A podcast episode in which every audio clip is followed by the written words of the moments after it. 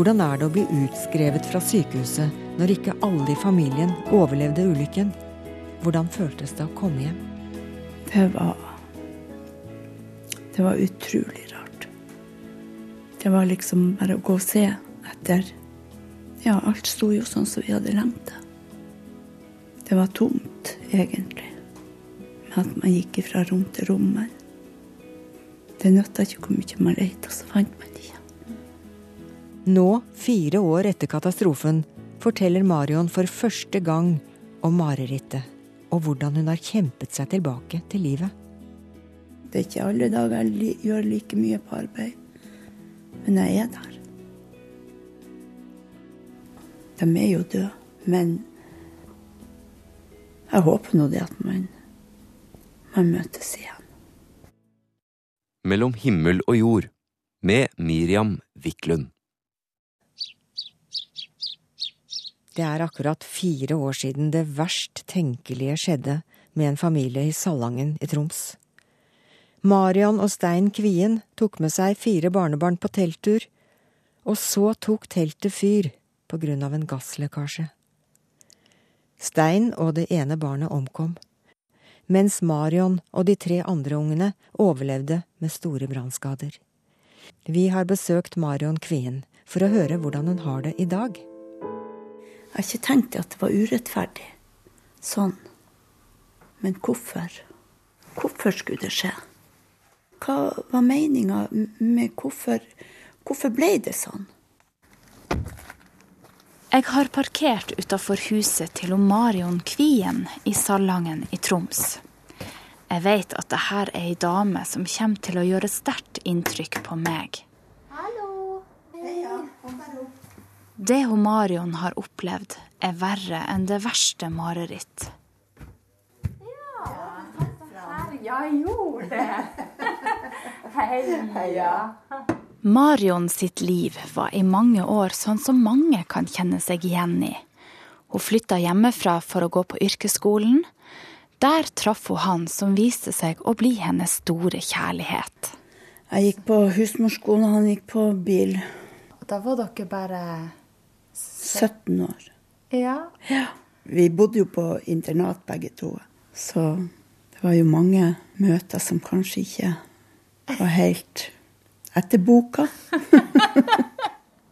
Hva var det du liksom falt for når dere ble i lag? Han var jo fin. Staut kar. Så du har bare hatt han, da, kanskje? Ja, på sånn skikkelig Det har jo vært småkjærester før ut, men ikke noe som var sånn alvorlig. Marion og Stein fikk to sønner, og de flytta til Salangen. Og trivdes så godt at vi har ikke villet flytte noen andre plasser. Hvordan var han, Stein? Ja, han kunne være bestemt. Det kunne han være, men, men uh, han var rettferdig. Snill. Hvis du visste hvordan du skulle ta han, så snurra du han rundt lillefingeren. Så det visste du. Ja, det lærer man seg jo. Ja. Ja. Likte musikk. Så det er jo ei bra samling med både LP-plate og som han har ute i, eller hadde ute i garasjen. Så når han var der og skrudde, så skrudde han på den, de gamle LP-platen på en på en platespiller som han hadde satt opp der ute. De fikk et stort nettverk i bygda og sto på i frivillig arbeid både innenfor idrett og korps. Han eldste karen drev på med musikk, han yngste karen hopp og langrenn. Steinfor som smører, og jeg satt og passa på med, med lengder og tider og regna ut og alt det der der. Også mat, og passe på at de var varme. Der den ene var, det var den andre òg. Når de ble større, så fikk vi jo dyrke våre egne interesser, og da ble det mye ut på skuterturer, fisketurer på vinteren. På sommeren så var det båten og, og havet. Det var lidenskapen. Etter hvert fikk Marion og Stein fire barnebarn som de var mye i lag med. Når vi var på ferieturer, så var jo som regel ungene og barnebarna med. For vi jo til Sverige og Finland. Og da var vi jo en hel, en hel skolk. Mm. Et taterfølge, nesten. ja. Vinteren for fire år siden dro Marion og Stein på telttur med alle de fire barnebarna. De dro til et vann som het Mellomvatnet, der en kollega og venn hadde hytte. Kollegaen og familien var i hytta, mens Stein og Marion satte opp teltet på utsida. Jeg, jeg må jo bare innrømme det at jeg, jeg husker ikke så mye ut av. Jeg husker jo det at vi for av gårde. Men det som hendte den fredagen, det, det er borte. Hvordan kjennes det? Det er sårt. Ja. Det er veldig sårt. At man må De andre som var der, de forteller hva vi gjorde, og hvordan vi hadde det. Jeg har jo sett bilder i etterkant og sett at ungene hadde det fint. De hadde klatra, og de hadde silt, og de hadde ja. ja. Men det husker du ikke? Nei. Nei. Det er borte. Marion, Stein og barnebarna overnatta i teltet. Og da det ble morgen, skjedde det som forandra alt på den koselige turen. En lekkasje i et gassapparat førte til en kjempeeksplosjon, og alt i teltet tok fyr samtidig. Det gjaldt å få ungene ut av teltet, og besteforeldrene gjorde alt de kunne. Men sjokket var så stort at Marion husker lite av de grusomme minuttene. Jeg vet bare det at jeg At jeg satt og grov i skaren for å få for å få sny over ungene. Og så etter hvert så kom, kom de ut, og, ut av hytta og oppdaga hva som hadde skjedd. Og når jeg så at ungene ble tatt vare på, så da blekka jeg ut sjøl. Og etter det husker jeg ingenting.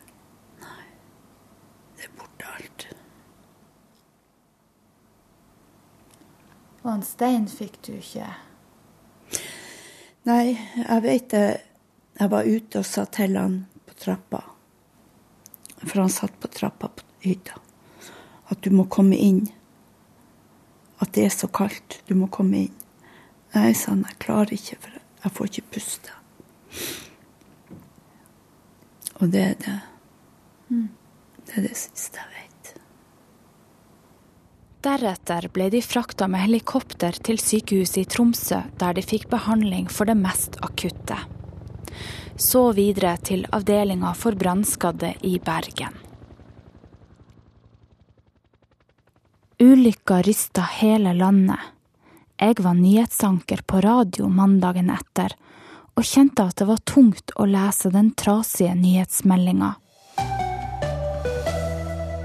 Bestefar døde etter teltbrann, fire barnebarn og bestemor kritisk skadd. NRK Troms Nytt. Bestefaren i 50-åra fra Salangen som ble skadd i teltbrann lørdag morgen, døde i natt av skadene han pådro seg. Årsaka til ulykka skal være propangass som eksploderte. Her er landsdelsnyhetene. Brannskadeekspertene ved Haukeland sykehus i Bergen har en svært krevende jobb med de fem skadde fra teltulykka i Salangen. Siden spesialavdelinga ble oppretta for 25 år siden, har sykehuset ikke opplevd så mange og omfattende brannskader på én gang, melder VG. Og sykehuset melder i formiddag at For den fire år gamle gutten og den seks år gamle jenta er tilstanden kritisk og ustabil. For den ni år gamle jenta, den tolv år gamle gutten og den 55 år gamle kvinna er tilstanden kritisk, men stabil. Den første tida på sykehuset var hun Marion så skada at hun ikke fikk med seg hva som skjedde. De som var rundt oss, de prata jo, og jeg har prata med dem, men jeg vet ikke at jeg har, har gjort det. Nei, ikke som jeg kan huske. Og det er òg er forferdelig å, å tenke på hva alt de har vært igjennom, ungene mine i etterkant. Som en ikke kan Ja, men har ikke vært til støtte for dem. Hvordan da? Ja, altså på når, når de ikke visste hvordan det gikk, verken med den ene eller den andre. Ja, For da lå du sjøl på sykehuset? Ja. Nei, det er mange såre følelser akkurat der. Det ene barnebarnet, ei jente, døde også av skadene hun fikk i ulykka. Den yngste gutten kjempa lenge for å overleve, og klarte det. De to eldste klarte seg også. Marion begynte etter hvert å komme til seg sjøl der hun lå på sykehuset. Husker du at du fikk vite hvordan ting var? Ja, det hadde de fortalt flere ganger. Men det hadde ikke gått inn. Husker du når du skjønte hva som hadde skjedd? Det husker jeg. Og det var Det var vondt. Og det med de som man mista, men òg hvordan det hadde gått med ungene. Hvordan jeg sjøl var, tror jeg ikke Det var ikke så nøye med, men det var ungene jeg tenkte mest på. Det var ikke lett. Hva tenkte du sjøl om livet ditt?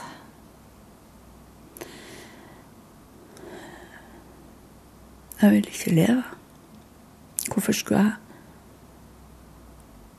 leve? Hvorfor skulle ikke jeg få lov å gå bort Og At jeg skulle være nødt til å stå i det her. Men eh, heldigvis har man jo så oppegående unger som kunne sette litt i perspektiv. For han sa det, han eldste karen, at mamma, hva skulle jeg gjort hvis jeg mista deg òg? Og det er jo sant. Man trenger av og til litt spark i ræva for å forstå. Hun Marion hadde fått store brannskader fra korsryggen og ned, og en arm fungerte ikke helt som den skulle. Hun måtte lære seg å gå på nytt.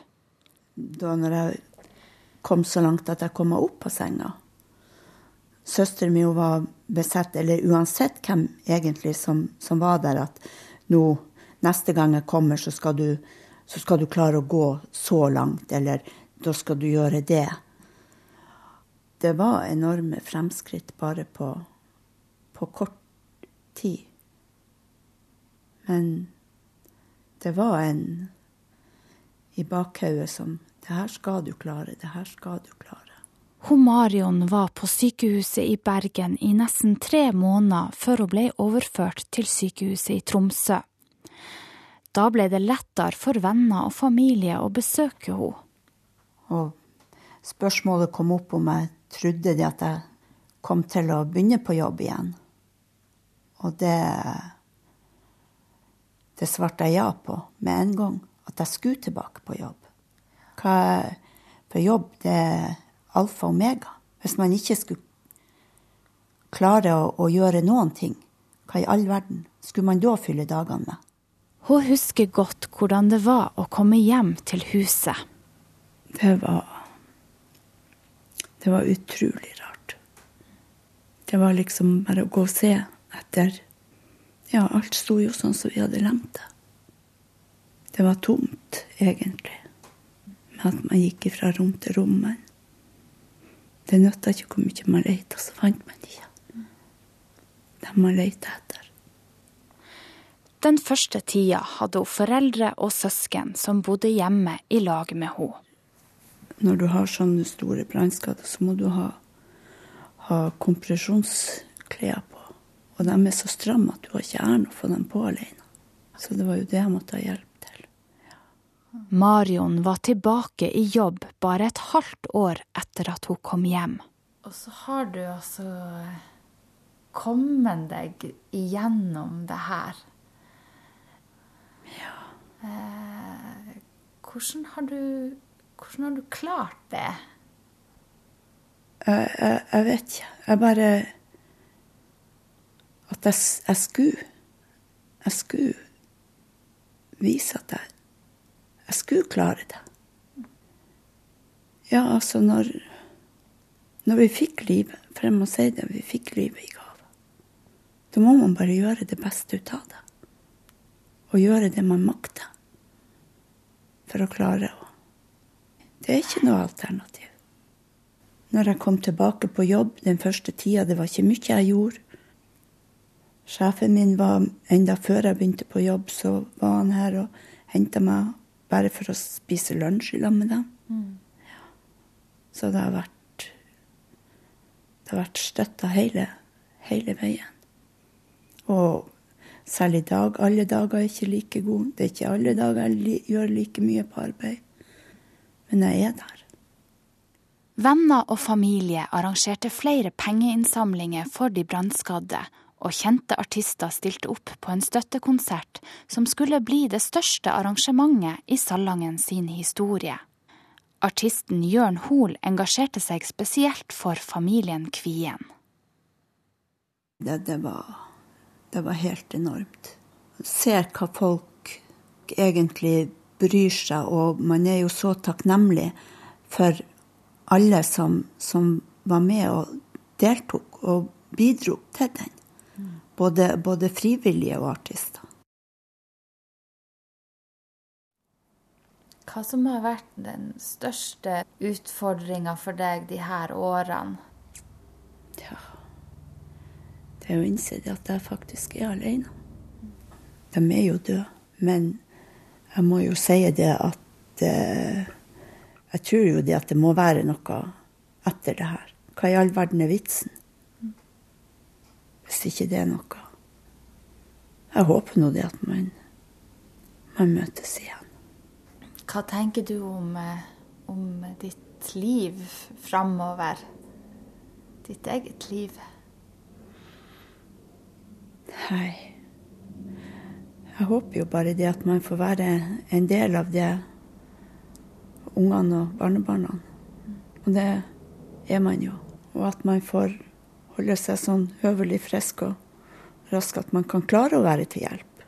Hvis man jo opplever å bli gammel og, og tøven, så blir man vel til byrde for, for dem. Men og håper nå det blir lenge til. Ja. Du hører på Mellom himmel og jord i NRK P1.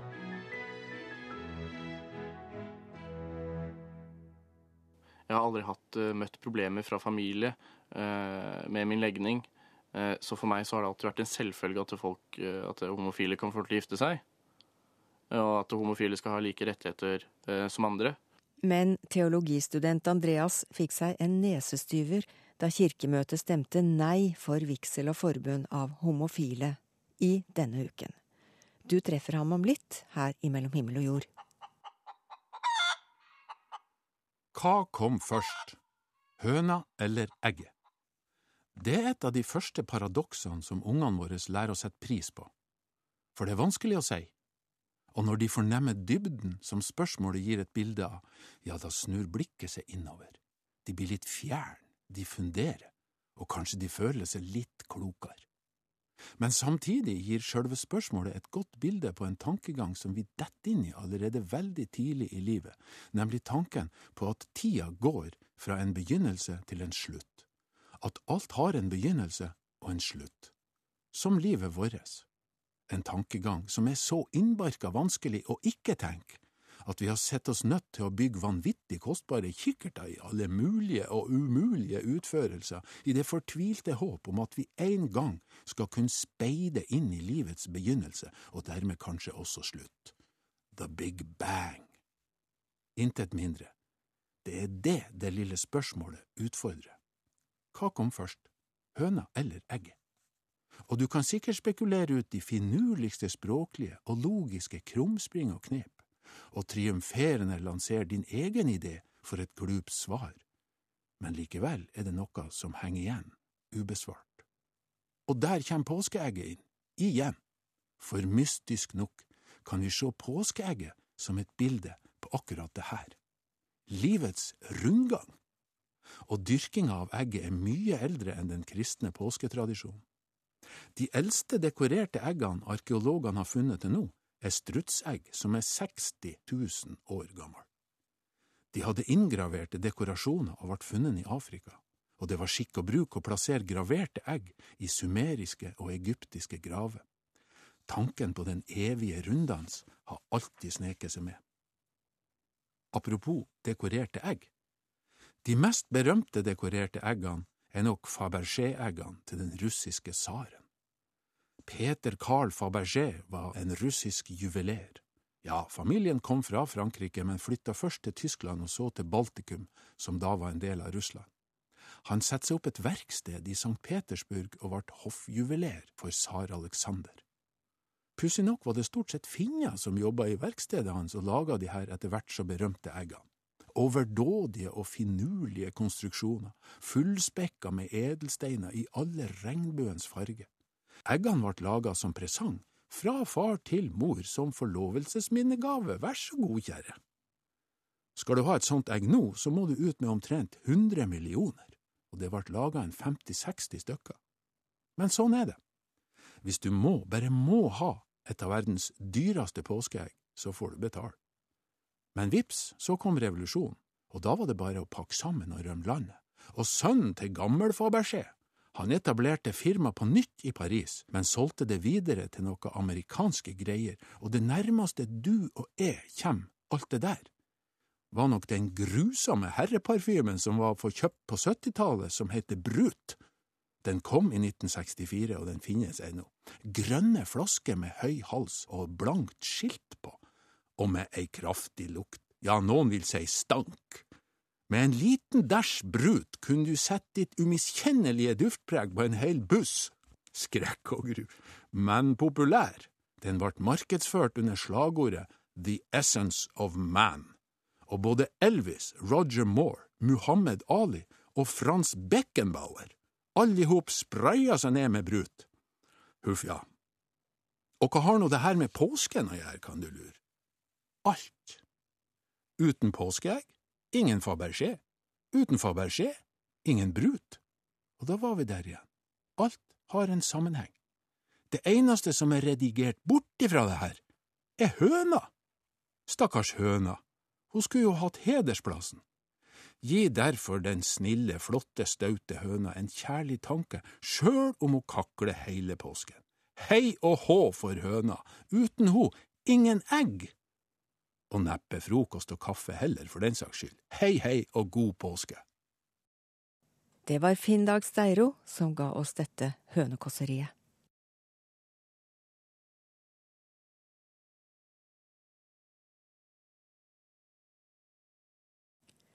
«24-årige Andreas Fossby fra Oslo er teologistudent og lei seg. Han er nemlig homofil og har et ønske om å gifte seg i kirken en gang i framtida. Men som kjent stemte kirkemøtet i Kristiansand nei til både forbønn og vigsel av homofile par i denne uken. Andreas var til stede, og han er fast bestemt på å fortsette å kjempe for sitt syn. Men hvordan går det overens med det som står i Bibelen? Lyden av kjærleik. Lyden av toner en ofte hører i kyrkja når ei kvinne og en mann skal si ja til å dele resten av livet sammen. Andreas Fosby har òg lyst å høre disse tonene i sitt eget bryllup. Men siden han er homofil, får han ikke gifte seg med en mann i Den norske kyrkja.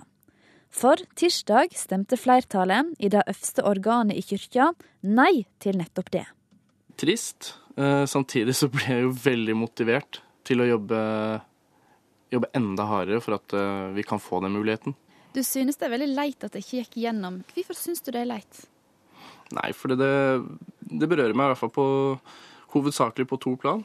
Siden jeg er homofil selv, så kunne jeg jo tenke meg å gifte meg i kirken i fremtiden. Samtidig så er det det at det, som fremtidig prest så vil jeg møte mennesker som kommer til meg med sine eh, samliv, og som, ikke, som jeg da må si nei til, rett og slett. Mm. Og jeg tenker det også er en eh, Det er vanskelig etisk, og det strider imot hva, hva, jeg tror på. Tar du det personlig? Jeg prøver å ikke gjøre det. Altså, jeg, jeg tar det ikke sånn personlig sak rett og slett rett, rettet mot meg, men Eh, det går jo litt inn på en fordi en del av meg blir eh, omtalt som en sak. Altså, jeg er jo ikke kun homofil. Det er jo ikke det som er definisjonen på meg. Men allikevel her så blir man puttet opp som at det her er det er, den, det er definisjonen på hvem som kan gifte seg. At da må du være heterofil. Hvorfor er det så viktig for deg å gifte deg akkurat i kirka? Nei, altså Hvis man skal prøve å gjøre det veldig enkelt, så er det jo at det å få en velsignelse over sitt ekteskap, så, så er det en bekreftelse både overfor eh, sin egen tro, at man vil at dette ekteskapet skal gå bra. At man søker noe utenfor eh, for å støtte opp eller legitimere det samlivet man har. Samtidig som at Kirken har vært en del av mitt liv, selv om jeg ikke har vært spesielt troende. Jeg er jo døpt i kirken. Jeg er konfirmert. Jeg kunne også tenke meg å gifte meg, og jeg blir nå gravlagt i kirken. Kirken er et av de rommene hvor slike høytider kan feires. Så det å bare gifte seg på tinghuset, det er ikke nok for deg? Nei, for da mangler jeg jo det eh, Det trosaspektet blir borte. Andreas ble kristen i voksen alder.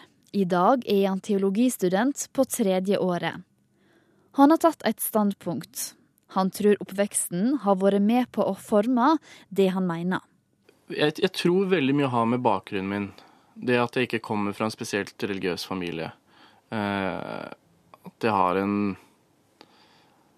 At jeg kommer litt utenifra, og serien for meg så har det alltid vært en selvfølge. Jeg har aldri hatt, uh, møtt problemer fra familie uh, med min legning. Uh, så for meg så har det alltid vært en selvfølge at, folk, at homofile kan få lov til å gifte seg. Og at homofile skal ha like rettigheter som andre. Bibelen og det som står om ekteskapet der, hvor mye har det hatt å sagt for standpunktet ditt? Det har ikke hatt veldig mye å si, men selvfølgelig så har jeg jo satt meg inn i det. Og det forandrer heller ikke standpunktet mitt når jeg leser om det bibelske ekteskapet, fordi at det, det bibelske ekteskapet er ikke det ekteskapet som jeg tror de fleste i Norge, altså da tenker jeg på heterofile også, eh, klarer også å se seg igjen i. Hva mener du med det? Nei, for eksempel så er eh, det gamletestamentlige ekteskapet, så er jo en kvinne altså er jo underlagt mannen. Og kvinne er eh, hva kan man kalle det for noe? Altså er en, en del av uh, boet til mannen. Hører rett og slett til mannen. Det er mannen det handler om. Og jeg tror ikke de fleste kvinner i dag ser på seg selv på den måten. Det er jo to sider av denne saka. Mm. Du og mange andre mener at homofile skal få lov til å gifte seg i kyrkja. Mm. Men det er òg de som mener at eh, nettopp det strir mot det som står i Bibelen om ekteskapet. F.eks. i Matteusevangeliet kapittel 19 mm. Eh, så står det at ekteskapet det er en livslang ordning mellom en mann og en kvinne. Mm. Har du valgt å overse dette her? Nei, jeg har ikke det. Eh, for det er veldig spennende å se på den teksten som veldig mange bruker. For det handler jo ikke hovedsakelig om ekteskapet i den forstand. Altså dette handler om skilsmisse. Og da tenker jeg når noen bruker det tekststedet for å legitimere uh, legitimere at uh, ekteskapet kun er mellom mann og kvinne, uten da å f.eks. Uh, ta standpunkt i forhold til om skilsmisse er rett eller ikke. Så her ser man hvordan man bruker en del av en tekst uten å bruke helheten. Men samtidig så står det òg at ekteskapet er en varig forpliktende partnerskap mellom en mann og en kvinne. Det står ikke det mann og, en mann og, eller kvinne og kvinne, det står kvinne og mann. Det, det er du helt rett i. Men det står jo også i Gamle testamentet at kong Salman hadde flere koner. Legitimerer det da polygami? Andreas mener at bibeltekstene må tolkes ut fra hvordan samfunnet er i dag. Bibelen er jo sammensatt av flere bøker, og dette her handler om hvordan man leser eh, Bibelen. Og det er jo teologi, så det handler om tolkning. Hva er det man Hvilken fraser i Bibelen, hvilken vers, hvordan er det man ser på det i, i lys av vårt samfunn? Jeg tenker på, Du sier at det er tiden inne nå for å, for å la homofile få gifte seg i kirka. Mener du da at det, det kanskje ikke var tid for det for eh, flere hundre år siden? Ja, det er helt klart. Det er jo helt klart. Altså, eh, for 200 år siden så hadde ikke kvinner stemmerett. Nå har de det. Altså, det skjer en utvikling i samfunnet hele tiden. Det er det som er så utrolig spennende, fordi at det, det er jo det som gjør Bibelen så spesiell. At man kan lese den i nytt lys i den tiden vi er i nå. Noen kan jo beskylde deg for at du plukker ut det som passer for deg. Mm. Hvordan svarer du på slik kritikk? Nei, altså jeg kan vel kanskje på en viss måte kalle det eh, riktig. Fordi eh, det er slik vi leser Bibelen. Vi trekker ut eh, Vi er selektive i hva, hvordan vi tolker det, og hvordan vi leser Bibelen. Samtidig så har jeg den erfaringa at jeg selv er homofil. Og det har ikke eh, den andre part. Men tror du at eh, du en gang eh, skal få lov til å gifte deg i kirka? Ja, det tror jeg. Absolutt. Det sa teologistudent Andreas Fossby til reporter Camilla Kjønn Tingvoll. Mellom himmel og jord, søndag.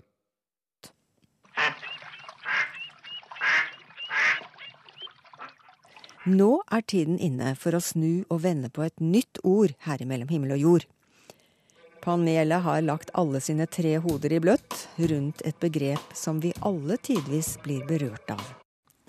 Panelet. Hallo, jeg heter Zack Livsey. Jeg eh, liker å tilbringe tid sammen med ungdom som er yngre enn meg, og jeg er bahai. Ja, jeg heter Pernille Nylén. Jeg er lege. Glad i å lese. Det er liksom det jeg alltid har holdt på med. Eh, livssyn så er jeg mm, Jeg vil ikke engang kalle meg ateist. Jeg er på en måte areligiøs. Det er, religion har aldri vært noe tema i mitt liv. Jeg heter Arnfinn Christensen, jeg er forskningsjournalist i nettstedet forskning.no, hvor jobben min er å være profesjonelt nysgjerrig og skrive om eh, alt fra det minste minste til det nesten uendelig store. Og jeg er vel det jeg kaller meg selv en udogmatisk kristen. Ordet i dag er lidelse. Mennesket vil jo gjerne forklare lidelse. F.eks. For eh, så er det en vanlig forestilling innenfor religioner i alle fall, at man straffes for tidligere handlinger. Eller fedrenes synder, kanskje. Er det noen av dere som kjenner det her litt sånn djupt planta i seg? At man, eh, hvis man blir sjuk eller opplever noe dårlig, at man tenker at det er en slags straff? Nei, eh, ikke på den måten at jeg tror at det sitter en gud og vil straffe meg for det faren eller moren min har gjort. Men jeg kan tolke arvesynd på den måten at eh, hvis foreldrene mine har opplevd noe vondt, så vil det forplante seg gjennom meg fordi de da ikke klarer å være de menneskene de kanskje skulle vært overfor barnet sitt. Og så kan jeg overføre ting til barna mine igjen som de kan slite med i sitt liv. Så på den måten så mener jeg absolutt at uh, arvesynd er et begrep jeg kan bruke. Og vi ser jo også innen epigenetikk at det til og med nå er snakk om at miljøet faktisk kan også forme genene. Det er ikke bare genene som betyr noe for hvordan vi utvikler oss videre. Jeg tror vi blir påvirka av våre handlinger. At vi, vi må ta ansvar for våre handlinger. Så hvis vi handler dårlig, så er det rett og slett så vil du måtte kjenne konsekvensen av det. Sant? Jeg tenker det, ja. Ja, altså For eksempel hvis jeg ikke studerer til matteprøven min, det går dårlig på matteprøven. sant? Og det er liksom sånn, det er på en måte, altså Forhåpentlig så lærer jeg av mine feil at OK, Zack, neste gang så må du rett og slett over til matteprøven. Jeg vil ikke akkurat si det er en straff, men en mulighet for læring. Ja. Jeg ville heller formulert det. Pernille? Når det gjelder det der å bli straffa for handlinger, så er jeg uenig med Zack, men det er jo ikke alltid vi blir straffa for dem. Folk slipper jo unna med ganske mye fæle ting. Og noen ganger står den på en matteprøve selv om en egentlig har, vært, uh, har lest altfor alt lite. Så det er ikke alltid at livet er rettferdig, både verken på pluss eller minus. Men uh, angående lidelse, da, er det godt for noen ting? Jeg tror ikke lidelse er godt for noe, men jeg har en, en slags trøst når det gjelder lidelse. At jeg, jeg, ser for meg en sånn temperaturskala. Altså Temperaturskalaer har jo et absolutt nullpunkt, minus 273 grader eh, celsius. Det er grense for hvor forferdelig verden kan bli. Det kan ikke bli verre enn absolutt dødt, uh, som på månens bakside. Men det er tror jeg, da Jeg kjenner iallfall ingen grense for hvor bra og spennende livet kan bli. Det kan høres lettvint ut å si det, for når du er i lidelse, så kan den føles altomsluttende. Men det er en slags trøst jeg gir meg selv, at det kan ikke bli noe verre enn at jeg dør. Ja. Vi ønsker jo også gjerne å tro at, eh, at det jevner seg ut med tida, at alle skal li like mye. Eh, og i religionene så forklarer man eh, gjerne store lidelser i det her livet med kompensasjon i det neste. Du skal få det så godt hvis du har mye lidelse nå. Eh, Pernille, du var jo inn på det, at det finnes ikke noe rettferdighet. Men hva tenker dere andre? Ja, det der med evig liv, det tror jeg er livsfarlig. Eh, fordi det er en slags eh, livsforsikring. Du tåler ting i dette livet med en slags idé om at det skal komme noe siden, en slags belønning. Jeg er jo en troende, og for meg så handler ikke troen min om noe som skal komme siden. Det handler om akkurat det øyeblikket jeg er i nå, at jeg skal realisere meg mest mulig i dette øyeblikket. Det er nå jeg kan gjøre noe med. Jeg, jeg tenker også at liksom, Desto dypere vi pløyer jorden, desto finere blir fruktene. Ikke sant? Altså, desto mer med, med, med altså, eksempel frø må jo sprekke for å bli en blomst. altså en, en annen metafor er f.eks. når vi drar på trening, så må vi jo kjenne litt på smerten for så å kunne bli sterkere. Dermed så tror jeg at lidelse er en måte for å, minne oss på at du, det er gjennom dette at du vokser. Ja, det tror jeg det er veldig mye. Og lidelse og lidenskap er jo samme ord. Altså, Jeg har opplevd å være virkelig forelsket en gang. Og det var både en lidelse og en intens, noe veldig intens livsopplevelse på en gang. Så det har med hverandre å gjøre. Altså. Men da sier du jo på en måte at det er en mening med det, Sak? Ja, jeg mener det er en mening med det. At uh, vi må anstrenge oss mm. til å gjøre noe Det krever energi, ikke sant? Det krever energi for å gjøre noe godt. Jeg treffer jo en del lidelse i min uh, jobb, eller mm. i mitt liv, da, men, men, særlig jobben. Jeg er jo på en måte en eh, moderne prest. Folk, folk kommer til lege med veldig mye. De kommer ikke bare med sykdommer, de kommer med livet sitt, de kommer med skilsmissene, sorg, eh, selvfølgelig depresjon og altså, psykiske lidelser, men også veldig mye med livets smerte. Så jeg får jo vite utrolig mye om livene til folk. Det er helt utrolig hva, hva folk kommer og legger på bordet til en doktor. Og det som er helt sikkert at alle har sitt. Altså Sjøl de tilsynelatende mest vellykka mennesker har opplevd vonde ting, står i vonde ting, eh, sjøl om du ikke ser det utapå dem. Men det er veldig ulikt fordelt, og jeg klarer ikke å se noe rettferdighet i det. Noen får alt. Noen får den ene etter den andre etter den tredje sykdommen.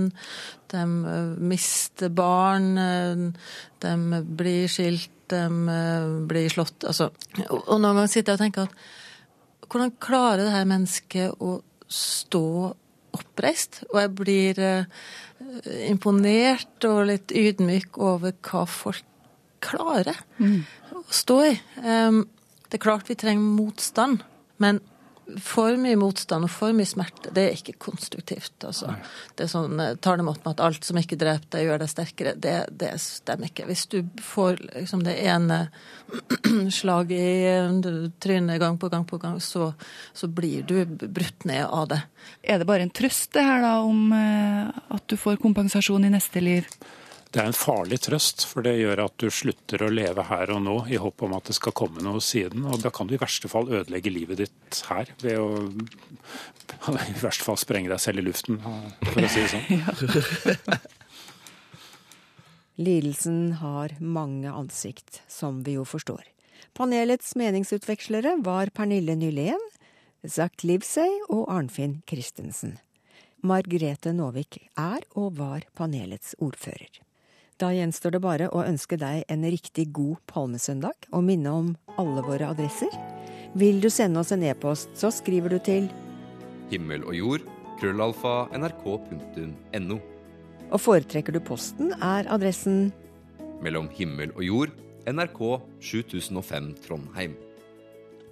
Og så kan du høre oss om igjen via vår nettspiller radio.nrk.no eller laste programmet ned uten musikk via nrk.no podkast.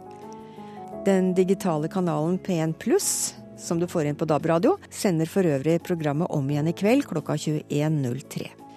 Jeg heter Miriam Wiklund. Ha det herlig og nyt vår og påskestemning.